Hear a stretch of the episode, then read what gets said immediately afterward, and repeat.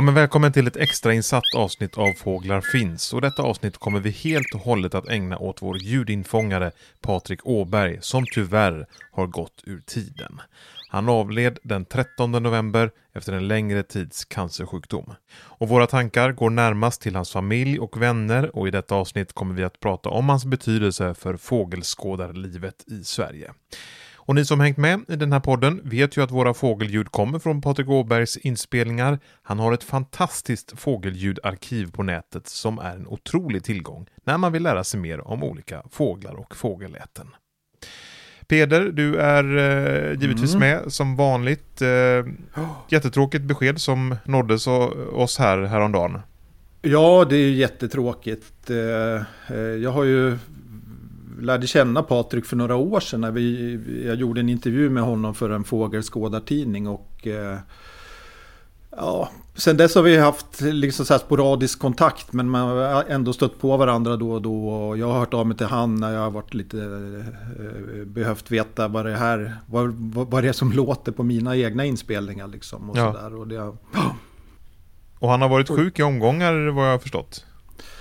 Ja, det, det var för något par år sedan som han eh, berättade att han hade fått eh, konstaterat leukemi. Och eh, var ganska svårt sjuk ett tag där. Men eh, fick ju vettiga behandlingar och allting sådär. Så att vid förra årsskiftet, alltså 2018-2019 så... Nej men han blev frisk där framåt vårkanten och eh, jag träffade honom ute på ett hygge ute i Uppland när det var en Wilson-beckasin som hade upptäckts där. Och då, eh, då var det så himla roligt att se Patrik gå omkring där precis som vanligt. Liksom. Eh, Sjukdomen var borta och han var helt lika pigg som någonsin. Liksom, och stod där med sin parabolmikrofon och spelade in den här eh, Wilson-beckasinen. Mm. Och från Västergötland va? Patrik? Ja, Tibro-trakten Ja. bor han där. Och, eh, ja. Härligt. Tibro. Min eh, farmor är uppvuxen i Tibro så jag, eh, mitt hjärta bultar lite extra för Västergötland. Jag har också hängt mycket i Tidaholm när jag var liten. Så, Ja, du, ja. du har ju fångat upp lite inspelningar här med Patrik som vi ska lyssna på alldeles strax här. Och det hörs ju verkligen hans breda och sköna västgöta som går igenom sådär gött.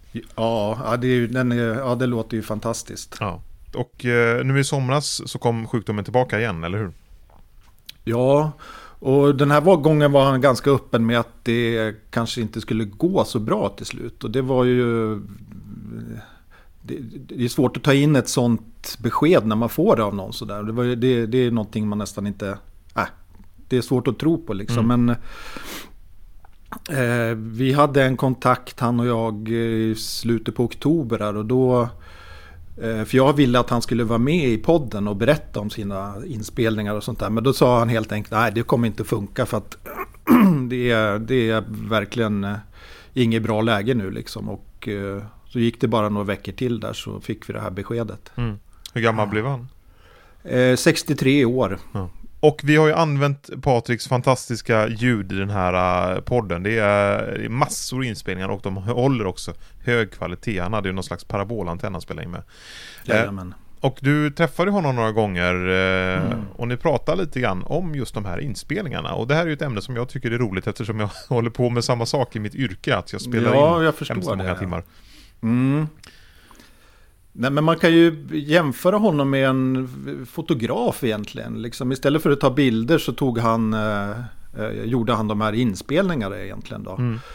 Och, eh, och i det hänseendet så kan man ju jämföra honom med en riktig toppfotograf. Då, liksom. En, en eh, motsvarande naturfotograf tar ju väldigt skarpa bilder och, på fåglar i alla möjliga vinklar. Och det gjorde ju Patrik också med sina ljud. Mm. liksom, det var estetiskt bra inspelningar och dessutom var de ju väldigt beskrivande i fråga om art och sånt där. Liksom, så att man kunde ju an- verkligen använda dem för att jämföra. Det, var, det blev ju som referens. Eh, hans inspelningar är ju en referens till hur fåglar kan, kan låta. Liksom. Och jag tänker mig också att det är ganska svårt att spela in just fågelläten, att fånga upp en specifik fågel eh, någonstans ja. långt bort och det är massa andra fåglar omkring som kanske stör. Så det, det, krävs ju en, mycket kunskap om inspelningar och mycket bra mikrofoner, riktade mikrofoner kan jag tänka mig. Ja, han körde ju den här parabol, en parabolmikrofon då så han kunde liksom eh, eh, rikta den precis åt där en fågel satt. Men eh, han berättar ju liksom att eh, eh, så fort han tog fram den där mikrofonen så uppfattade han ju så mycket andra ljud runt omkring. Liksom störande ljud som mm. vindbrus och flygplan i luften och grannar som drar igång gräsklippare och liknande. Liksom. Hög igenkänningsfaktor på det där känner jag. Senast Aha. igår så satt jag och intervjuade en person som jag gör en dokumentär om och så helt plötsligt märkte vi att det låter jättemycket i det rummet vi satt när någon spolar i huset. Mm -hmm, och det var ja. någon som stod och lagade lunch och hade sig så då fick vi flytta på oss. Ja, det är mycket sånt mm. som kan hända när man eh, spelar in och ibland så vill man ju ha mycket miljöljud. Ibland så vill man inte ha miljöljud i sina inspelningar när man liksom bara ska koncentrera sig på en sak. Ja, precis ja. Och, och Patrik berättade där liksom att han eh, kunde vara ute efter en viss art då liksom, men så tyckte han att eh, just vid inspelningstillfället att eh, kommer en annan art och stör där precis liksom och ja, men efteråt när han lyssnade på det, då kunde han ju bli supernöjd med det för att eh, det, det liksom byggde ju upp hela ljudbilden där om det sitter en vassångare som är huvudpersonen och så sitter en sävsångare någonstans i bakgrunden och, och, och sjunger så här så blir det totalen blir en väldigt vacker eh, ljudbild på något mm. vis. Och vi ska lyssna lite grann på några klipp som du har valt ut från ja, referensinspelningar som du har gjort med, eh, med Patrik när du intervjuade honom. Ja. Vilken ska vi ta först här? Något om koltrast kanske? Ja, precis. Ja, det, ja kör på det. Ja, jo, men eh, det gör ju samtidigt att det liksom tjusningen, du vet ju att du har ju aldrig, du har ju aldrig fått den där perfekta koltrasten någon gång va? Nej. Även om du har hundra inspelningar på Kårsta så har du ändå inte den där alltså, utan du kan ju alltid få någon som blir bättre. Ja. På ja. ena eller andra sättet du kanske får någon med någon annan eh, fågel som sitter och ackompanjerar sådär lite käckt lagom högt och lagom avstånd bakom eller en liten lagom mysigt pålande bäck ihop med, mm. ja eller säg you name it va. Det, ja. Så att du får ju aldrig den där som du blir sådär 110% nöjd med. Nej. Och så är det antagligen med fotografrock antar jag. Ja men precis. Härlig sjungande västgöta där från Patrik Åberg ja. och han jämför ju där också med Ja, alltså fotografens vedermödor med att få den perfekta bilden versus få en perfekt ja. ljudinspelning. Sen så tror jag han var väldigt eh, så kritisk också, liksom, som alla blir som är, eh, ligger på en hög nivå. Liksom, att mm. det alltid alltid måste vara på något visst sätt. Medan vi skulle ju förmodligen själva nöja oss med eh, 40% av den kvaliteten han eh, kom in med där. Men, men, men det här med att skåda med mikrofon, liksom Patrik eh, var ju en av dem som gjorde det nästan lika naturligt som att ha med sig en kikare ut i fält. Mm.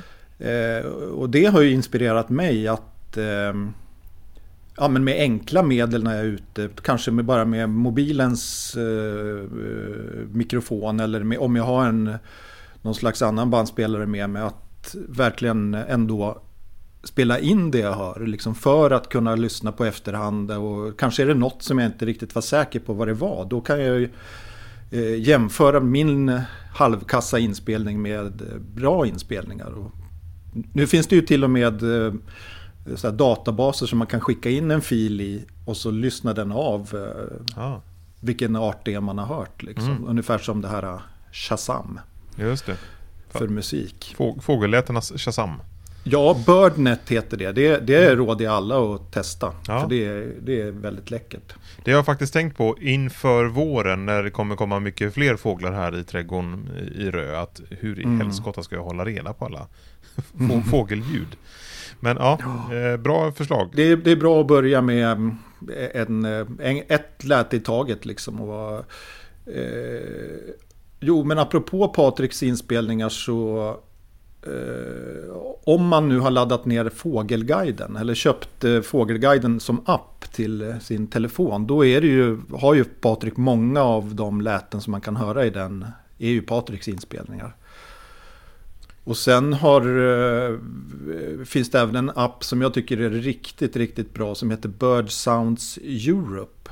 Som är mm, 413 olika arter i Europa. Där Patrik och andra så här duktiga ljudskådare själva har varit ut 5-10 uh, läten per art. Liksom, som är väldigt representativa för just den arten. Så där är ju den kostar ungefär 50 spänn att ha liksom, och den är verkligen en eh, lika bra att ha som en fågelbok när man mm. är ute liksom, för att jämföra att, ja vad var det där nu då? Ska vi lyssna på ett uh, klipp till här uh, som jag har kallat för Inte som studio? Ja, just det, få höra. Samtidigt så vill jag inte ha att det ska bli studio, att uh, låta inspelat i en studio heller. Nej. Men jag vill ju liksom ha eh, klart och tydligt att man hör vad det är. Där är det liksom en stilla bris i, eh, i, i löven och så att säga. Att det liksom mm. prasslar. Man hör att det är, istället för något sånt här att det blåser så hårt så du inte ja. hör vad det är. Utan det blir bara oljud va. Eller att du ja. hör då att något, ja, att det mm. kluckar lite vatten i bakgrunden eller något sånt där. Mm. Bara det är liksom naturliga ljud va. Som ja, jag kan urskilja så du inte bara hör en motorsåg som står och varvar i bakgrunden hela tiden va. ja, det är väldigt hög igenkänning på det här från en ljudinfångares perspektiv verkligen. Eh. och, och vi har ju brottats med det där problemet eftersom vi oftast spelar in den här podden ute i miljö att ibland så blåser det väldigt mycket och då får man ha 120 olika puffskydd på mikrofonen. Men, ja. men samtidigt vill man ju ha eh, lite miljöljud eh, i form av blåst kanske för om det är en blåsig dag så pratar man ju om den givetvis. Ja, ja det, jo, det är klart. Va? Jo, precis. Va? Och, eh, nej, men han, han eh, det där berättar ju, beskriver ju ännu mer liksom hur, han, hur han tänker i det där. Liksom. Att, eh, miljöljud gör ju ingenting om det finns egentligen. Utan det kanske bara är Ja men som man tar en fotografi, att man har, tar med lite mer av bakgrund och grejer och sånt där va. Mm. Eh, men Patrik, eh, det finns en, en stor databas som heter Xenocanto som eh, ligger öppen på på webben. Xeno Kanto, X-E-N-O bindestreck Kanto med C. Eh, där finns det ju, där, där samlar ju jättemånga ljudinspelare i sina inspelningar och jag tror att de har Hittills har de liksom kommit upp i 10 200 arter och eh, över 9 000 timmar i fågelläten som ligger där. Och eh, Patrik är en av de största bidragsgivarna till den sajten. Och jag tror han ligger i ja, men så här 10 topp, 15 i topp liksom vad gäller antal inspelningar och hur, ja, längden på dem. Och, jag tror han har 99 timmar inspelat som, han, som ligger Jesus. uppe där. Ja, det är bra jobbat. Ja, och dessutom såg jag att han har sex arter som ingen annan i världen har spelat in. Oj, vilka ja. är dessa? Nämn någon. Ja, vi ska se här. Jag hade det in... Eh, det är bland annat en blåvit kungsfiskare. Mm. Och den... Nu kommer jag inte ihåg vart den kom ifrån längre. Men det är en brun tigerpapegoja. Jag tror det var Indonesien båda de här fåglarna förresten. Och eh, Nya Kaledonien parakit. Som jag har för mig kom från eh, någon ö där ute i, ja det är ju Nya Kaledonien helt enkelt. Så han har även varit utanför landets gränser och tagit upp fågelljud då alltså? Ja, det har ju varit ett av hans stora intressen eh, har jag förstått. Att eh, han har varit ute och åkt eh, mycket i världen. Eh, kollar man på hans inspelningar så finns det, har han dem från 23 olika länder. Oj. Vad spännande. Ja, ja. ja men det, vi, vi, använder ju den sidan, eh, glömde av vad den heter. Senokanto. Senokanto, ja precis, till våran podd. Och vi kan väl lägga ut en länk i avsnittsbeskrivningen till det här avsnittet till just Patrik Åbergs eh, fågelljud också tycker jag. Ja, för det, det, är liksom otroligt kul att botanisera ja. i de där liksom. Och det finns ju inte bara en inspelning av en art utan det, han har ju ja men eh, jag läser till här nu. Nattskärra har han 47 inspelningar av. Kattuggla 36. Så att det finns ju många olika varianter i det hela. Och... Nattskärran, det är någonting för Magnus Karlsson att lyssna på. ja, just det. Det pratar vi om med honom ja. Ska vi prata lite om eh, sparvuggla och eh, Patrik Åberg? Vi har en liten inspelning här där du eh, träffade Patrik och pratade om just sparvugglor och den låter så här. För skogstomtar så är det ju sparvugglornas höstläte nu som börjar mm. nu här. Som, ja, när kommer de igång? Det är det nu i... Ja, det, är ju, det börjar ju nu då. Ja. De brukar ju inte vara så ledsna av sig, men det är ju sånt där läte som jag har försökt att spela in i så jävla många år. Men det är ju precis hopplöst för att de låter ju en gång.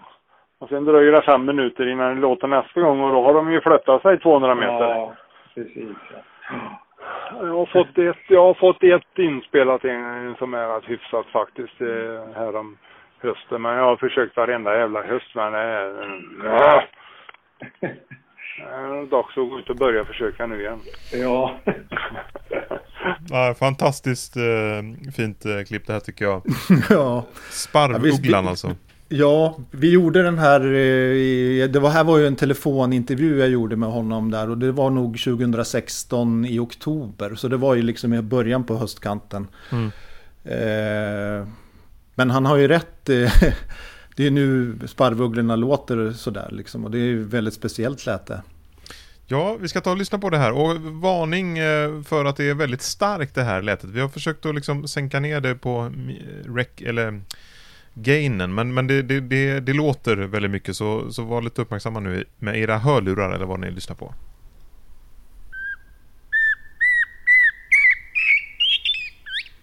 Sådär ja, lät den. Ja. Och så tar det alltså fem minuter innan den låter igen, eller vad var det han sa? ja, han, han sa det ja. Och, och då, jag tror inte det där lätet bär så långt heller. Så det kan ju vara att man vill vara, för att få så här bra inspelning som han hade där, då kanske man är på 50 meters håll eller någonting. Och sen så råkar den flytta sig så den sitter 100 meter ifrån. Då är man ju plötsligt, eh, har man inte samma läge. Nej men det här är ju en häftig liten fågel, sparvuggla. Alltså. Mm. Det är Sveriges minsta uggla och möjligen hela Europas. Eh, det, det, det, vet jag inte just nu. Men den är ungefär i storlek som en stare. Ja, jag tittar alltså, på bilder på den från min dator den är inte jättestor alltså. Den kan bli smal Nej. också ser jag här. Ja, de kan ju förändra sin kropp där om de är rädda eller vill gömma sig eller på, på, på något vis sådär. Men, eh, nej, men den är, och det är ju en tuffing för att vara så liten. Alltså, den tar ju upp till trastar i storlek när den jagar. Liksom. Så det, är en väldigt häftig fågel. Det vanligaste lätet man hör från den det är ju på vårarna när den har sin så här entoniga långa visslingar istället. Okej. Okay. Nu var det jag som försökte härma. Jaha. Mm. Och det här lätet som vi hörde nu i inspelningen här, vad var det för slags läte?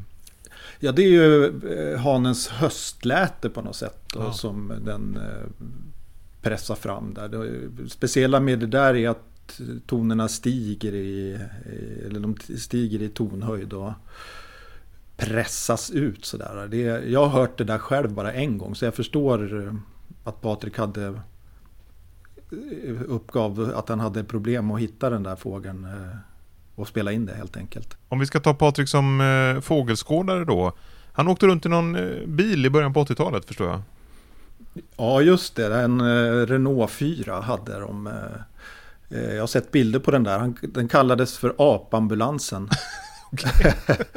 Jaha, varför då? Ja, det var, ja, jag vet, det var, jo men det fanns någon historia om det också. Att det var någon eh, smålänning när de var ute och skådade någon gång som frågade, är det där en sån där apambulans? Och då skrattade polarna så mycket att eh, det var Jaha. det som blev namnet ja. på den där.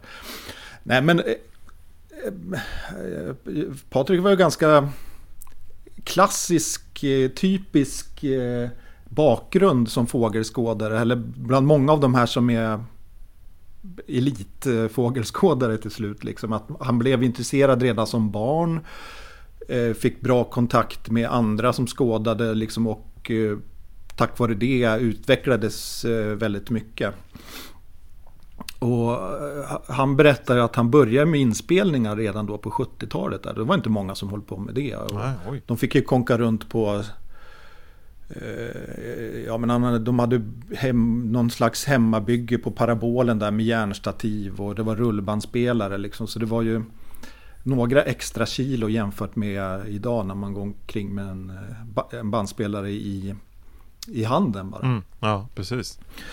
Men han blev ju som sagt en riktig hård, hårdeskådare eller vad man ska säga. Han eh,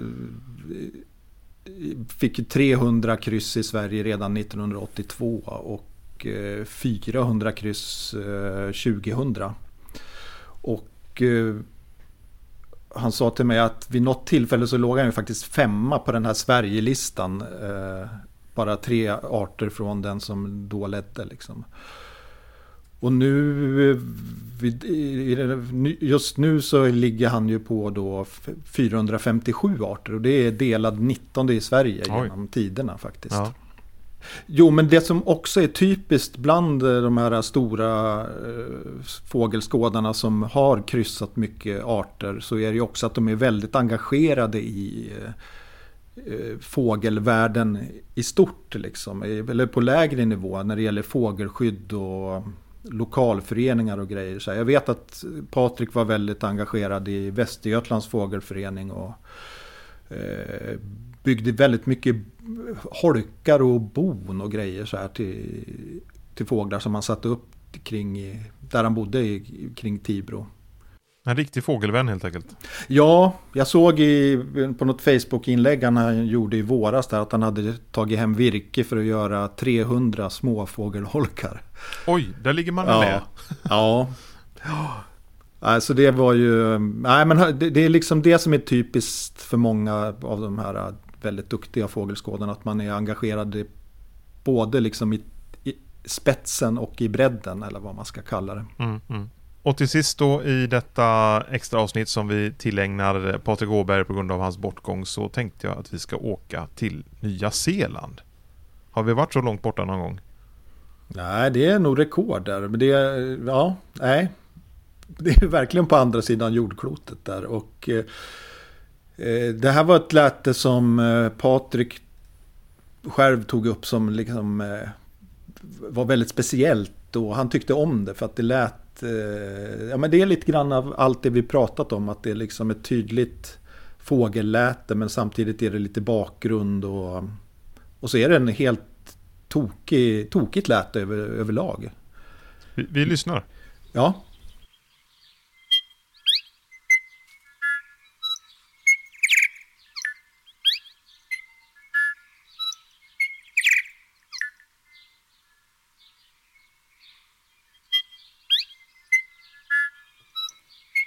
Just, är det en fågel här alltså? Ja, ja visst är det otroligt. Den heter alltså Corimako.